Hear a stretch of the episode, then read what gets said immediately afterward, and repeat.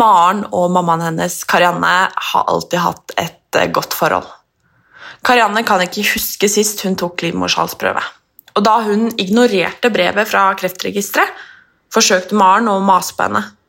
Men det hjalp ikke. Karianne følte at det ikke gjaldt henne, og prioriterte det ikke. Nå kjemper hun sin livs kamp sammen med Maren og familien. Da Karianne fikk vite at hun eh, har livmorshalskreft, insisterte Maren på å få tatt en celleprøve. Da svaret kom, viste det seg at hun hadde lavgradige celleforandringer, og Maren tenkte det verste med en gang. På neste kontroll hadde forandringene heldigvis blitt normale igjen. I dag er Maren gjest her hos meg for å dele sin og mammaen hennes historie. Om hvordan det er når mamma er kreftsyk, og om viktigheten av å sjekke seg. Og om du tilfeldigvis er en av de som har utsatt celleprøven, som har glemt å bestille time, eller tenker at det ikke gjelder deg, hør på denne.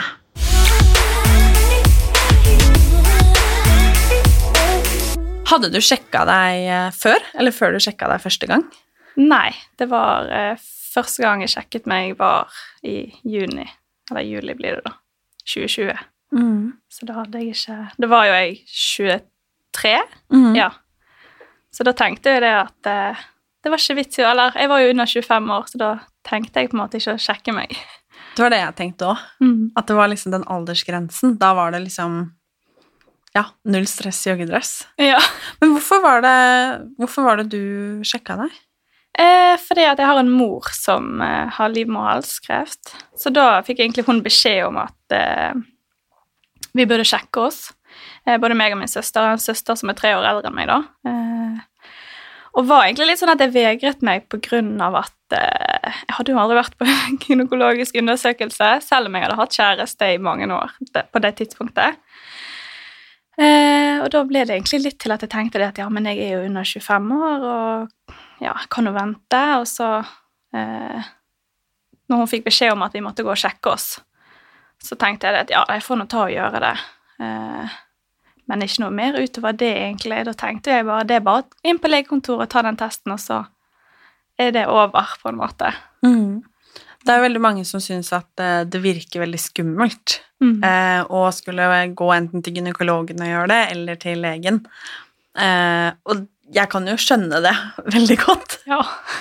Man kommer liksom Altså, det er jo det aller helligste vi har, på en måte, og det er jo så privat. Ja, jeg eh, kan si at jeg var ikke noe sånn noe, altså, Det var det jeg kvidde meg mest til, egentlig. For jeg, i mitt hode så var det bare sånn Ja, ja, det er det som kommer til å bli helt forferdelig, og det er liksom ikke tenkte ikke at det kommer til å bli noe mer utover det, da, men ja. Mm. Syns du det var vondt? Ja, Ja. det gjorde jeg. Men min søster gjorde ikke. Nei, Så det er veldig Nei for jeg individuelt. syns ikke det var vondt i det hele tatt. Jeg har skjønt at det er veldig individuelt, faktisk. faktisk. For det at eh, jeg har noen venninner òg som har tatt, eller, tatt celleprøve, og de syns heller ikke det var vondt, og en annen syns det var vondt. Ja, Men tror du at det kan ha vært litt fordi at du grudde deg også? Jeg tror jeg var veldig anspent. Mm. Så jeg var jo litt sånn, og så eh, visste jeg ikke etterpå at man eh, burde ha med seg et bind. For Det visste ikke jeg heller. så jeg sto jo der litt sånn 'Å, herregud, hva er det som skjer?' Og hun, legen var nå veldig fin og sa det. 'Nei, det er helt normalt, og du skal få et bind av oss.' Så Mm. det, det var litt betryggende. For man kommer jo inn dit, enten til gynekologen eller legen, Mm. eh, og alle mellom 25 og 69 er en del av livmorshalsprogrammet, Mm. som driftes av Kreftregisteret. Eh, så da får man en innkallelse der man får liksom sånn Hei, nå er det kanskje på tide å sjekke seg. Og da er det jo opp til en selv å faktisk eh, ta den telefonen eller sende den meldinga og bestille den timen. ja. Eh, den, det er på en måte bare en oppfordring eh, til at man burde gjøre det. Og eh, hvis jeg husker riktig nå, så er det 70% av de som får beskjed om å sjekke seg, som, eh, som gjør det. Eh, og da er det ganske mange som, som ikke gjør det. Mm. Eh, og det er derfor jeg syns det er litt viktig at vi setter oss ned og prater om det også. Fordi det er jo åpenbart superviktig. Det har jo både du og jeg følt på kroppen. Ja, ja, ja. Og så tenker jeg jo at eh, jeg skjønner det på en måte, for ikke, jeg kan med hånd på si at det er ikke sikkert at jeg heller hadde kanskje gjort det, hadde ikke vært for situasjonen jeg er i. Fordi at man tenker jo Nei, det skjer jo Eller det gjelder ikke meg. Mm. Så jeg, jeg kan skjønne det, men så er det på en måte så viktig òg at, at det blir forstått hvorfor det er viktig. Mm. Og det er jeg helt enig i, fordi nå har jeg vært mye, hos, eh, hos gynekologen siden jeg var 19, var det vel? Eh, fordi jeg har eh, slitt mye med smerter og endometriose og alt som har med livmora å gjøre. Så jeg har vært, blitt godt vant til på en måte med undersøkelser og det som er. Um, og det som er at det er jo egentlig helt naturlig, på en måte, Ja. å være der også. Og det er jo Altså, det er litt sånn som jeg pleier å tulle og si at eh, tissen er din venn, ikke drit i den. fordi det er jo så viktig. Mm. Og det er sånn, har vi vondt i beinet, eksempel, så går vi jo til legen. ja, og det er jo ikke noe flaut. Nei! Men å skulle sitte der og på en måte ta beina opp på denne der, det var jo det jeg vegret meg for, og bare helt sånn Å, herregud, er noen skal se meg inn i underlivet. sant? Mm. Mens ja. Jeg tror ikke de tenker på det. Nei. Og de skal jo ikke se, på en måte. Altså, det er jo opp akkurat som at de skulle titta inn i øret, nesten, på en måte. Ja, ja. Uten at jeg er gynekolog og vet noe om det, men det er jo liksom Men også tenker jeg at det er første gangen Det er det som på en måte var mm, Andre gangen jeg skulle Da syntes jeg det var bedre. mm, Da tenkte jeg ikke over det. Nei. Og tenk hvor mange forskjellige underliv de ser, da. Ja. Disse gynekologene. De er, jeg tror ikke det er noe de ikke har sett. Nei. De er jo eksperter på det her. Ja. Det er jo viktig, på en måte, altså å tenke på det. Det er jo akkurat det. Men du tok eh, celleprøven. Mm. Eh, hva, hva skjedde? Jeg tok celleprøven i, i juli eller juni, og så flyttet jeg i august til Volda for å studere barnevern.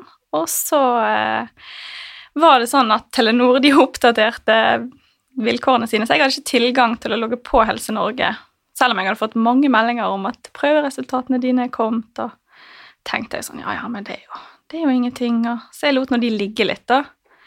Eh, og så var det noe sånn at jeg fikk en telefon eh, fra fastlegen, eller fra legekontoret, om at eh, jeg måtte få komme inn for jeg måtte ha en ny eh, celleprøve. Eh, og da ble jeg litt sånn Nei, en ny celleprøve Ja, nei, de hadde funnet noe på den første.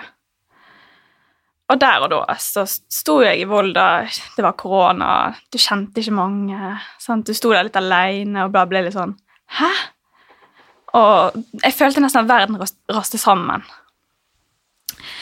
Eh, på telefonen fikk jeg jo ikke så mye informasjon om hva, dette ville, altså hva det ville si at de hadde funnet eh, en celleforandring, da. Eh, så jeg sa jo bare jo, selvfølgelig, for ny time, og ja, skulle få en i januar, og så eh, låner vi på, og så ringte jeg jo rett til mamma, og da var jo jeg helt knekt sammen. Jeg sto ute på gaten og gren og trodde det at jeg hadde fått kreft. At, ja. Så det at eh, Det syns jeg var ganske vanskelig. Hvordan var det å si det til Altså med tanke på at hun faktisk har livmorhalskreft? Hun var faktisk veldig rolig. Utrolig nok. Hun var helt sånn Ja, men det er ikke noe å stresse over. Og jeg var litt sånn Hæ? Jo! Så det, det, hun beroliget meg veldig fort, egentlig. At jeg trodde det at hun nå skulle være veldig sånn Å, herregud, og dette er helt krise. Men hun var sånn Nei, men det er helt normalt.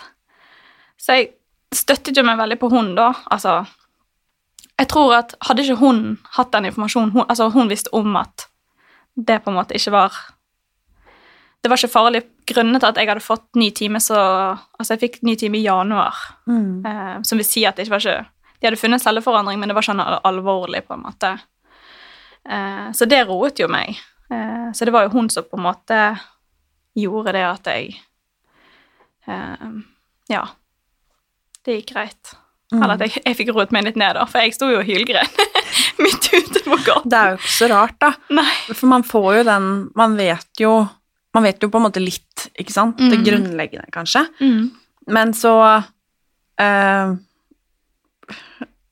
har man jo plutselig egentlig ingen informasjon, og Google er jo ikke alltid din venn.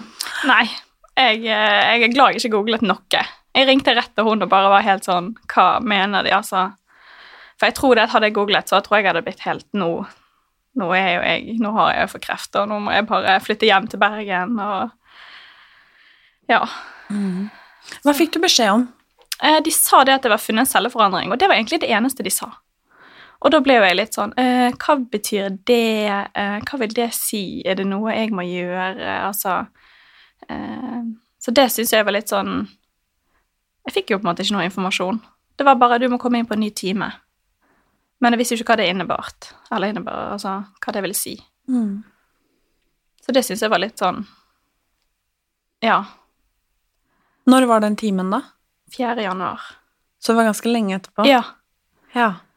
Så det var, der det var det jeg tenkte sånn Jeg tror jeg fikk beskjeden i september-oktober, kanskje rundt da. Mm. Uh, og de ville egentlig ta den i desember, men uh, jeg tror det at jeg kom hjem for seint, og da var de gått på jule... Altså, da var ikke det åpent, Mm. så da måtte jeg ta den i januar. Så eh, det var egentlig derfor jeg måtte ta den på nyåret. Fordi at eh, jeg har fått litt informasjon fra, fra Kreftforeningen. Fordi jeg har jo følt meg eh, Jeg reagerte ganske på samme måte som deg når jeg fikk beskjed om at jeg hadde celleforandringer og HPV-virus. Den første beskjeden, altså den derre Nå Eller hva er dette her? Skal jeg få kreft nå, liksom?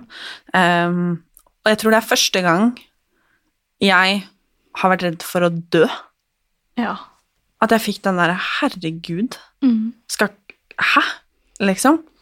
Og jeg vet jo at det er helt sikkert mange som lytter, som eh, kanskje aldri har sjekka seg, eller som eh, kvier seg litt for å gjøre det, eller er utsatte, eller har sjekka seg, eller kanskje sitter i min situasjon, eller i din situasjon.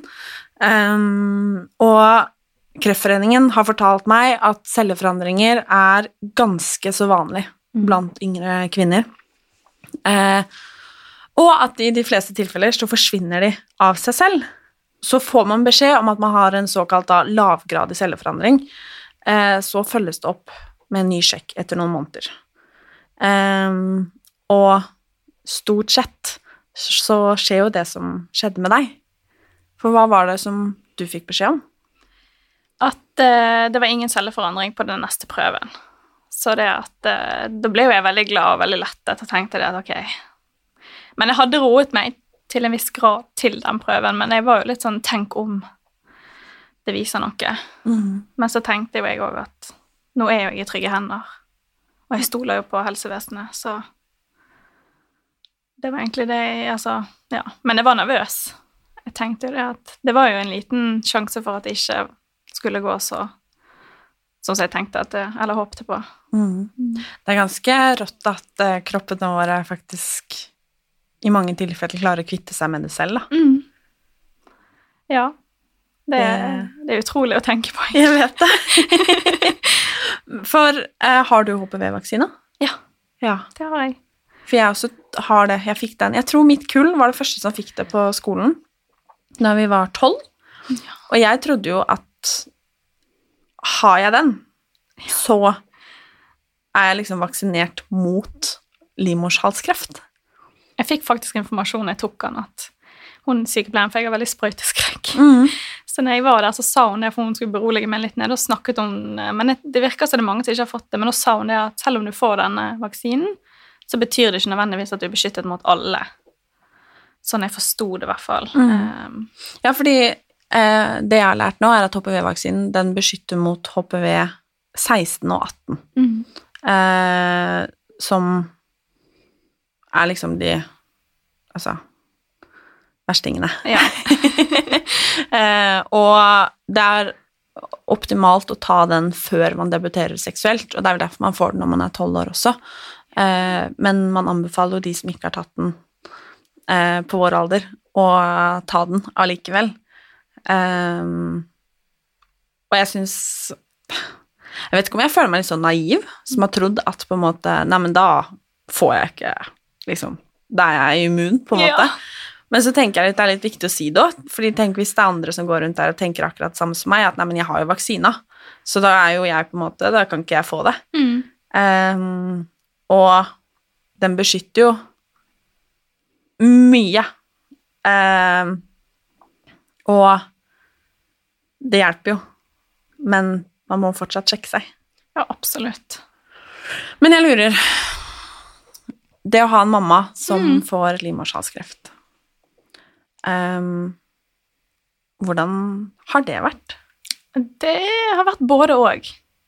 Jeg eh, syns det har vært greit i visse tider å vært i Volda.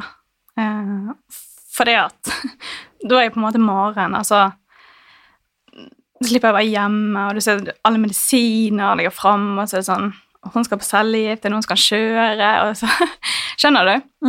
Så når jeg er i Volda, da er det sånn Da får jeg litt Da får jeg vært meg, mens når jeg er hjemme, så er det på en måte litt mer alvor.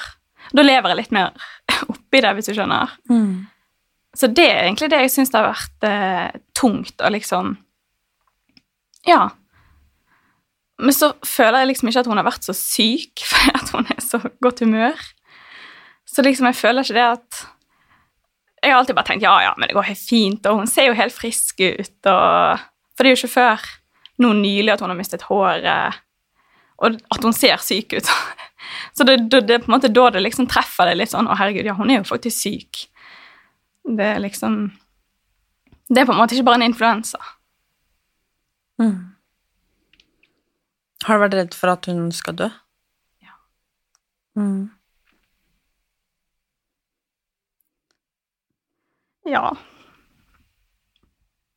Tror du at hennes historie gjorde at du syntes det var verre på en måte å få påvist celleforandringer? Ja, absolutt. Mm. For altså Det blir jo på en måte mer ekte òg, da. At man tenker det at Jeg ser på hun, på en måte, hva hun går igjennom. Sånn, hvor dårlig man kan bli, og Så ja, det er jo en realitet som treffer deg. Mm. Mm. Hvordan er det å være pårørende til en som er så syk? Det er veldig opp og ned, syns jeg. Eh, vi har veldig tett bånd, da. Så um, Jeg syns det har vært både og. Altså sånn Jeg har lært henne å kjenne henne på andre måter. Um, men så samtidig så tenker jeg at altså, som å være pårørende altså, Noen dager er tyngre enn andre, og det er lov å si det òg. Det er liksom ikke Det er veldig forskjellig. Altså Ja. Fra uke til uke, da. I hvert fall i forhold til den behandlingen hun har hatt. For hun blir veldig dårlig, og så har hun uker der hun er på en måte mye bedre, da. Så det er liksom De ukene hun er At hun ser frisk ut, det er da jeg på en måte tenker nei, hun er jo ikke syk, og lever litt i den drømmen, på en måte, da. Mm. Hva har vært det vanskeligste? å se at uh, vi trente veldig mye sammen før. Så uh, Det er kanskje teit å si, da, men vi skulle gå en, på, I Bergen så skulle vi gå på tur sammen, meg og hun, og så min svoger. Eh, og bare etter sånn Vi hadde begynt å gå, eh, så var hun kjempetrøtt og sliten og sånn. Nei, jeg kan ikke gå så fort. Og jeg var litt sånn Jo, det kan du. Skjerp deg. Denne turen liksom er lett for oss, altså. Og så tenker jeg ikke over at hun er syk, sant. Og ser at hun på en måte Og så kommer hun opp, sant, så hun sånn Gud, jeg er så stolt over meg sjøl. Og da er jeg bare sånn Ja, herregud. Du er jo faktisk Hun går jo på cellegift, og Så jeg syns på en måte det har vært trist å på en måte se den personen hun var, kontra den hun på en måte har blitt. Altså sånn Går ned bak en bakke, så er hun utslitt. Og liksom Før var det så mye energi, og liksom mm. Og det, det føler jeg liksom Det, det er det kjennetegner med henne. Har det vært noe som har vært fint også? Ja. Jeg føler vi har blitt tettere som familie. I hvert fall med min tante. Så hun har bodd litt hos eh, mine foreldre. Så det syns jeg er veldig fint. For hun fikk livmorhalskreft i eh, midten av 2020 cirka. Ja, mai. I mai. Mai 2020. Og så fikk hun Så på en måte ble hun, altså hun ble ferdig med behandlingen. um, og så ehm, fortalte de at kreften sov. eh, og så fikk vi beskjed i juni i år at eh, de måtte begynne på ny eh, behandling. Og da var det på sånn palliaktiv behandling. Ehm, og det skal de nå prøve i noen uker, sånn jeg har forstått det, og se om det funker. For hun kan ikke opereres. Hvorfor ikke? Eh, Det er fordi at eh, kreften har spredd seg, mener jeg. Så det at det er cellegift som er beste sjansen for henne. Mm. Kan jeg spørre hvordan sjansene hennes er? Vi vet ikke ennå. Eh, hvis behandlingen funker, så er det Altså, det kan gå begge veier. Så vi må egentlig faktisk bare vente, og det sa hun i august. Og da tror jeg det var ni uker til vi får vite om cellegiften har funket. Ni eller seks uker. Hvordan er det å leve i den uvisstheten? Jeg prøver å glemme det. Ehm, sånn som med studiene, så er det sånn Jeg prøver på en måte å fokusere på det. Eh, så jeg er blitt veldig glad i å trene. Så jeg Det er på en måte litt sånn Det jeg rømmer til. Klare hodet. Da er det bare sånn rett opp på et fjell og bare sånn ta av ta mobilen på flymodus og bare få klarhet hodet litt. Så det er egentlig det. Mm.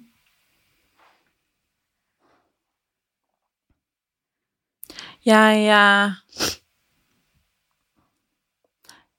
det er, Jeg tror liksom ikke det er mulig å forestille seg eh, Verken det hun står i, og du står i, og dere som familie står i. Mm. Um, men det er klart Det er jo de som er kreftsyke. Og de er jo nok, for å si det sånn. Ja. Men det er jo så innmari mange flere pårørende.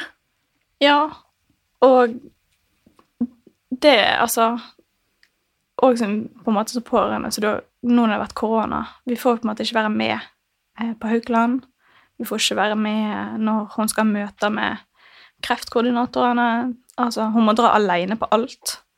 Og når du, har, altså når du er syk, så skal du huske altså at hun skal huske alle beskjeder hun får, og skal hun gjenfortelle litt av oss, og så Sånn, så ofte er det sånn Hun tenker at hun har fortalt noe, og så har ikke hun gjort det, og så er det sånn Å ja, hvorfor har ikke du sagt dette? Sant? Og så Så vi syns jo det på en måte har vært veldig tungt med, med korona, og tanke på det at hun har måttet gått alene, liksom. Og det har vært sånn Ja, vi kan kjøre og hente deg. Så Hvordan er man en god pårørende?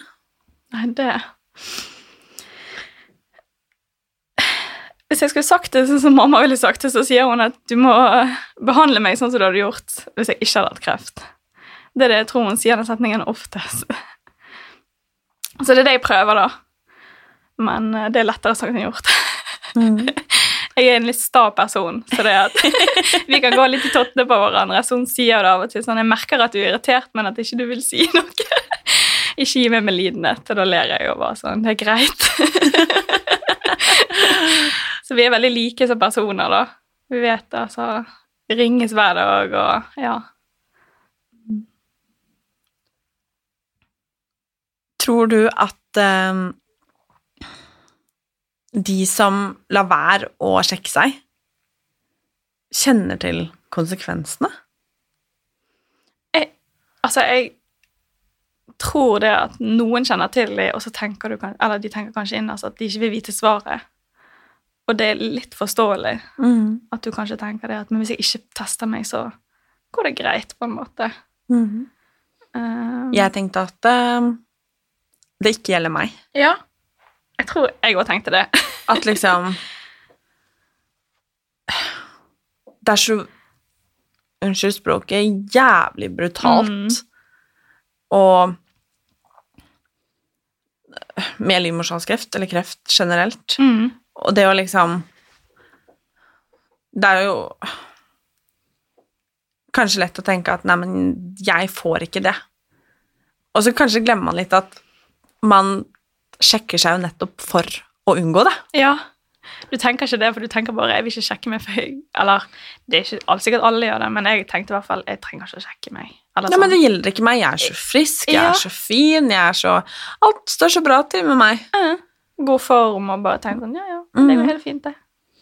Og stort sett så gir jo ikke Eller celleforandringer i seg selv gir vel i utgangspunktet ikke noen symptomer. Mm. Um, og jeg har jo syntes det har vært litt vanskelig å, å snakke om, fordi at jeg har jo hatt symptomer uh, på mine celleforandringer. Mm. Og jeg syns det har vært litt sånn vanskelig å,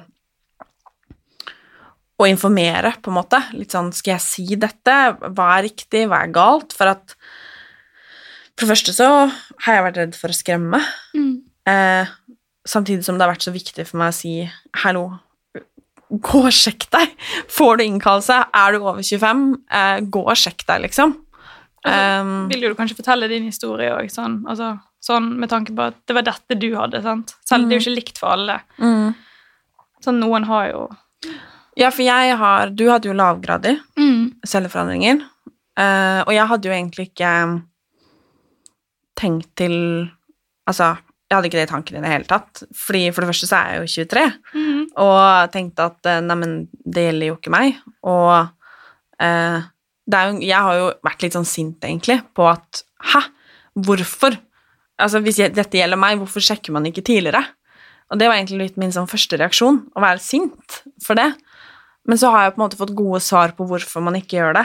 For å unngå overbehandling, og fordi at det faktisk er ganske vanlig å ha celleforandringer når man er, er under 25, og at det stort sett er Altså går bort av seg selv. Mm. Um, men ha, har man symptomer, så skal man alltid oppsøke lege. Og det har jeg jo virkelig lært. Um, for jeg tror jeg gikk Jeg tror jeg begynte å merke de første symptomene i februar i år. Mm. Ehm, på at eh, jeg hadde begynt å få litt sånn vondt, liksom, uten at jeg klarte å liksom beskrive verken hvor eller hvordan den på en måte ubehaget var, da. Eh, jeg stivna veldig i eh, bekkenet, og så eh, hadde jeg det som på en måte plaga meg mest, var at jeg hadde veldig rare blødninger. Um, for eksempel etter jeg hadde trent, etter sex, eh, eller hvis jeg på en måte hadde gjort et eller annet som på en måte Ja, eh, at det var som at jeg Det var blødninger jeg ikke kjente til. Mm. Men så tenkte jeg liksom sånn Nei, men dette er bare en mellomblødning, ikke sant? Vi er jo damer, det skjer jo mye. kan finne 15 000 unnskyldninger til bare sånn Men det er bare en periode. Det er akkurat det. Det er bare en periodisk feil, liksom. Ja. Nei, nei, det går over. Og siden jeg har endometriose og jeg har mye greier, men så har jeg tenkt sånn Nei, men stiv i bekkenet, liksom. Hallo. Altså sånn, eller denne blødningen her Nei, men jeg går jo på p-piller, det er Ja. sikkert, ikke sant? Et eller annet, nei, men litt vondt. Så jeg tenkte Nei, jeg begynner på en soppkur, da. Mm. Dro og kjøpte en sånn Canesten-kur. Tok den. Eh, det hjalp jo selvfølgelig ikke, men så var det veldig sånn av og på med dette ubehaget også, og blødningen, det var liksom ikke noe hold i det, på en måte. Eh, så jeg tror det var helt i starten av juli i år at jeg eh, satt i bilen på vei til eh, hytta eh, med familien. Vi skulle på hyttetur. Og så sier jeg bare sånn Vet du jeg må dra og sjekke de greiene, altså. Mm. Og pappa satt der, og lillesøster satt der, og mamma satt der. Og liksom ikke greier det. Og så fortalte jeg, da. Eh, vi er jo ganske åpne, åpne med hverandre. og jeg er sånn og sånn og sånn. Og så sa han nei, men da syns du skal sjekke deg, liksom. Jeg ringte først til fastlegekontoret, og der var det jo godt i gang med sommerferie. Så der var det jo ikke så mye liv laga. Eh, ringte da til gynekologen, men der måtte jeg ha henvisning, siden det gjaldt et nytt tilfelle. Oh, ja. Jeg bare okay. så da tenkte jeg nei, jeg ringer til Volvat. Så da ringte jeg til eh, der, tenkte jeg jeg får bare gjøre det privat, liksom. Ja. Fire dager senere så fikk jeg time. Kom dit, eh, la ut på Instagram eh, at eh, jeg skulle dit, for å Ja. liksom prøve å liksom Dette går fint, folkens, gjør det du òg hvis det er et eller annet, liksom. Eh, og så tok hun en celleprøve, Og jeg merka jo at hun gjorde noe annet enn disse vanlige prøvene man tar for kjønnssykdommer og sopp og sånn. Og da spurte jeg sånn Hva gjorde du nå, liksom? Og da sa hun nei, jeg tok en celleprøve. Og da sa jeg ordrett eh, Men er ikke jeg for ung til det? Mm. Og da sa hun at nei, ved mistanke og, og med de symptomene du Eller det du forteller om, liksom, så syns jeg, syns jeg at man skal sjekke, og det skal man, liksom. Og jeg liksom Ja, ja, men det er kult, det, liksom. Og da husker jeg at jeg også la ut på Instagram skrev sånn Har tatt celleprøve, liksom. Sjekk deg du også, hvis du er Har fått inn Altså, ja, burde det, liksom. Eller skal det. Um, så tror jeg det gikk en uke, så fikk jeg svar på enhver kjønnssykdom. Bankebordet hadde jo ingenting, for da hadde vi hatt et problem. Uh, men uh, samtidig så var det bare sånn Ja, ja, det var jo flott at det ikke var noe gonoré og klamydia, og da Ja. Mm. men så tenkte jeg kanskje at det hadde vært en heftig soppinfeksjon som den soppkuren jeg ikke hadde tatt, altså. Eller at den ikke hadde funka, eller et eller annet. Men det var ingenting. Og da tenkte jeg nei, men da var jeg drama queen, da. Ja. Ikke sant? Da var det bare kroppen. Det er bare sånn det er, ikke sant? Mm. Og var egentlig sånn åh, Hun kasta bort de penga, liksom. Hun kastet bort sånn Å, herregud, så teit. Ja. Og så tror jeg det gikk ja, halvannen uke til, eller noe sånt, og så spurte jeg mamma sånn Hvis ikke jeg har fått svar på, på den celleprøva, da er det ikke noe, ikke sant? Eh, for det lå liksom sånn og murra bak i eh, hodet, liksom, at ah, det, er jo et eller annet. Jeg kjenner jo at det er et eller annet, liksom. Så gikk det noen få dager, og så våkna jeg, det var torsdag, eh, at jeg hadde fått brev på Digipost. Hun hadde prøvd å ringe meg, men jeg sov, for det, jeg, hun hadde ringt så tidlig. Mm. Um, og da sto det at du det har funnet celleforandringer og HPV-virus. Og jeg reagerte vel akkurat samme som deg, tror jeg. Ja. Jeg lå i senga, Christian, kjæresten min, var ikke hjemme. Første jeg ringte, var å ringe mamma på FaceTime. Mm. Og det var sånn Du vet når man gråter uten å gråte, på en Ja. måte? ja. Jeg hadde det helt likt. Og bare Hva gjør jeg nå? Ja. Um, Du, liksom, du står der som et spørsmålstegn og bare sånn hva, hva, Hæ? jo, man vet jo ikke hvordan man skal reagere. Nei. Og bare den, den derre Det var som å liksom få livet slengt i ansiktet. Veldig òg. Og bare Ok, takk for dette brevet. Hva faen gjør jeg nå? Ja. Altså, hvor, Hvem ringer jeg? Hva gjør jeg? Og, bare, og jeg begynte liksom å ta telefoner, ringte til Volvat, der jeg hadde vært. De tilbød meg jo behandling gjennom dem. Jeg ringte til fastlegen, fikk beskjed om at dette måtte undersøkes med en gang. måtte få på, altså, Helt sånn derre Jeg måtte bare vite. Mm. Og jeg tydde jo til Google. Du gjorde det, ja. Eh, og jeg fant jo fort ut at det eneste jeg kunne forholde meg til, var Kreftforeningen Ja. sine sider. At det var på en måte Der sto det nyttig og god informasjon. Mm. Eh, og der fant jeg også ut at jeg hadde en telefon som man kunne ringe til eh, hvis man lurte på noe. Jeg ringte ikke dit selv, for jeg på en måte eh, tøffa meg, tror jeg. Ja. Ehm, og så fant jeg ut litt eh, senere at det var Jeg hadde fått beskjed om at det var kjipe celleforandringer. Det hadde jeg fått beskjed om på telefonen. Mm. Men jeg visste jo ikke hva det betydde. Og jeg var jo egentlig både sint og forbanna. Herregud, jeg har jo vaksinert meg mot HPV. Når har jeg fått det? Bla, bla, bla. Jeg har vært i et forhold i snart sju år. Altså, tankene var helt sånn eh, Så Helt surrealistisk. nesten. det er akkurat det. Mm. Um, og nå har jeg sitter og prater med deg nå, så er jeg jo så summa. Nå har jeg på en måte landa i at ok, sånn her er det. Um, de er dritt, de celleforandringene. De må bort. Um, Sinn 3, tror jeg det heter, for de som kjenner til det. Um, og de skal jo nå Eller de må jo opereres bort, da. Um, og nå er jeg mer egentlig takknemlig for at det finnes hjelp, og at jeg har funnet ut av det. For å gå fra å være sint Ja. til å på en måte være sånn at Tenk om jeg ikke hadde sjekka meg. ja. Tenk hvis du gjør det bare Ok, ja, ja, men sånn er jo av og til kroppen. Ikke tatt det på alvoret, liksom. Ja. For jeg tenkte jo at jeg var en drama queen. Ja, ja. Jeg skjønner det. Jeg hadde sikkert tenkt akkurat det samme. At bare, nei, men herregud, liksom. Det, sånn er det bare. Ja, men det er akkurat det, fordi det er, så, sykt, det er jo så mye med kroppene våre hele tiden. Mhm. Og så handler det mye de rundt deg også, om de også er veldig sånn Nei, herregud, nå må du roe deg ned, eller om de Jo, men det er jo liksom- akkurat det. Nei, jeg har noen mellomblødninger, liksom. Ja. Mm, ja, nei, men altså, det er sikkert bare Ja. Nei, p-pillen eller altså et eller annet. Og sånn tenker jo jeg òg. Det er litt sånn samfunnet er lagt opp også.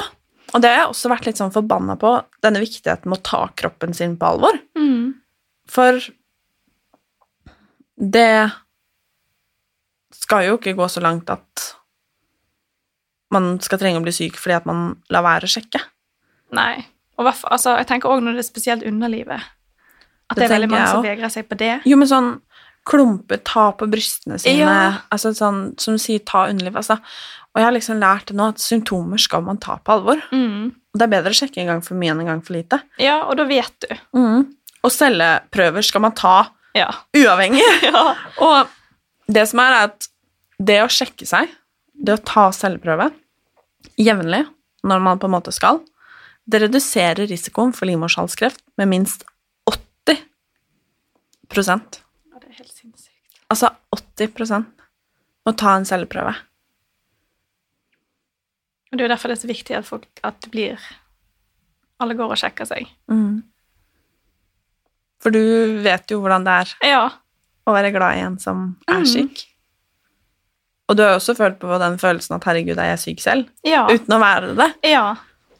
Og jeg husker jo hvor sint jeg ble når jeg skjønte det at hadde hun sjekket seg når hun fikk innkall, eller fikk påminnelse, så det er ikke sikkert at det kunne vært stoppet, men det kunne vært en mye bedre situasjon i forhold til det hun er i nå, da.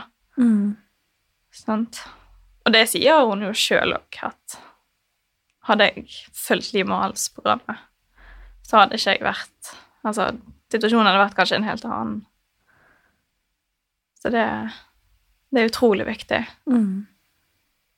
Hvor mye det kan på en måte bare si med at du bruker Altså, unnskyldningen til mamma var jo Nei, men jeg er så opptatt, jeg har mye på jobben, og jeg har ikke tid til det, og det gjelder ikke meg. Og jeg var litt sånn Nei, ok, nå jeg, jeg har sagt meg og min søster var jo litt sånn du, Vi har sagt det nå, og du, hun fikk jo brevet.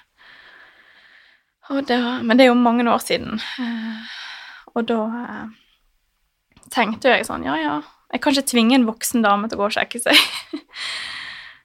Så eh, Nei, absolutt.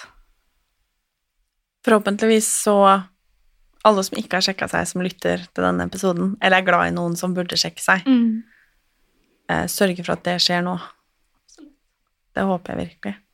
For det er jo noe med det at Jeg har tenkt mye på det selv, at tenk om jeg ikke hadde tatt kroppen min på alvor. Mm. Tenk om eh, jeg hadde venta. Må jeg nesten grine litt, kjenner jeg, når jeg Mhm. snakker om det. Mm. Eh, Tenk om jeg hadde utsatt det. Mm. At du hadde tenkt at ja, ja, men jeg er jo under 25 år, så hvorfor? Eller tenkt når jeg var 25, at Ja, at da ja, men jeg er så ung fortsatt. Eller nei, men det gjelder ikke meg. Jeg merker, jeg hadde, kanskje jeg ikke hadde hatt noen symptomer. Altså øh, Og ikke gjort det. Men jeg skjønner deg veldig godt. Og da er jo på en måte viktigheten at du kom faktisk til et legesenter som tok deg på alvor òg. Og det er så viktig også. Det er så utrolig viktig. Og man fortjener og man skal, og man burde bli tatt på alvor. Ja. For det er kroppene våre det er snakk om. Ja. Og det er jo i hvert fall òg sånn jeg hadde, hadde, så, hadde jeg lagt der, sant, og sånn som du sa at Ja, nei, jeg tenkte jo Jeg er jo 23 Altså, de heller jo ikke meg. Uh, og så Jeg hadde på en måte ikke tvunget legen, hvis du kan si det sånn, sagt sånn Jo, du skal ta den celleprøven. Da hadde jeg tenkt sånn Ja, ja, ok. Trenger ikke den celleprøven, jeg, da. Sant? Viktigheten er at Ja. Det blir sjekket. Og jeg kan skjønne at det er ubehagelig å skulle til gynekologen. Jeg kan skjønne at det kan være ubehagelig å ta en celleprøve. Og noen har grunner til at det er ubehagelig, og andre syns bare det er ubehagelig fordi at det er snakk om liksom, underlivet vårt. Mm. Um, og det er mye som er ubehagelig Ja. i livet. Ja. Altså, det kan til og med være ubehagelig å sitte på bussen og bli litt sett på ryggen, liksom. Der. Men du vet jo bedre enn mange også hva som virkelig er ubehagelig. Mm. Og det er ubehagelig å ha en kreftsyk mamma. Mm.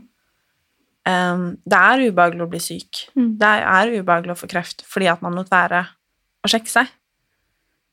Um, og jeg syns i hvert fall at livet er altfor fint til å la være. Ja. Når du har muligheten, og du, så ser jeg på en måte ikke hva, hvorfor du ikke skal kunne gjøre det. Sant? Det er viktig at vi budskapet kommer fram da, til at alle skjønner hvorfor det er viktig, og ja Hvor lite egentlig skal til, på en måte. Det tar deg Jeg tror jeg var inne og ute på ti minutter, ikke det engang. Og det som tok tid, var bare å forklare på en måte hvorfor jeg skulle være hvorfor jeg skulle ta celleprøven. Mm. For det var, det var akkurat pga. jeg var under 25, da. Mm. Sant? Så da jeg sa til mamma du har ingen unnskyldning, jeg brukte fem minutter rett inn, rett ut. Så det at Den tiden må vi faktisk bare ta oss. Og det er det som er viktig. Mm. Har du et uh, råd til en som er glad i en som er syk? Mm. Om hvordan man Eneste rådet jeg egentlig har Altså jeg, jeg har på en måte prøvd å leve hverdagen så normalt som mulig, egentlig. For min del har det vært uh, det beste. Uh, men jeg syns det har vært veldig individuelt. Altså sånn, sånn som Jeg liker for eksempel ikke å snakke om det. Altså sånn Når vi er familien. Uh, så syns jeg det på en måte har vært greit at vi bare er litt sånn Det er teit å si, men at ting er så normalt, hvis det går an å si. Ehm, men mitt råd Nei. Sette pris på at den tiden du har sammen. Men samtidig ikke tenke at dette Altså, du må leve som normalt, men ikke Ja. Men likevel verdsette det. Hver dag teller, sånn som Ja. Kreftkompasset Ja. sier. jeg har det armbåndet, jeg òg. Ja. Ja. Det er eh, Og det er noe i det, Mm. uansett. Mm. Tusen takk, eh, Maren. Tusen takk for prat. Jeg eh, sender alle styrkeklemmer jeg har, og all eh, guts jeg har, til eh, deg og til mamma. Likeså. Og håper at eh, det går så bra som mulig. Det satser vi på. Og så får vi oppfordre alle som lytter, og som er glad i noen, som burde sjekke seg, eh, om å sørge for at det skjer. Det håper jeg virkelig. Så færrest mulig trenger å oppleve det som du står i akkurat nå. Mm. Og sånn at flest mulig kan få hjelp, Ja. sånn som det jeg får nå. Ja, Mm. absolutt. Tusen takk. Takk. Og så sjekk dere da, folkens.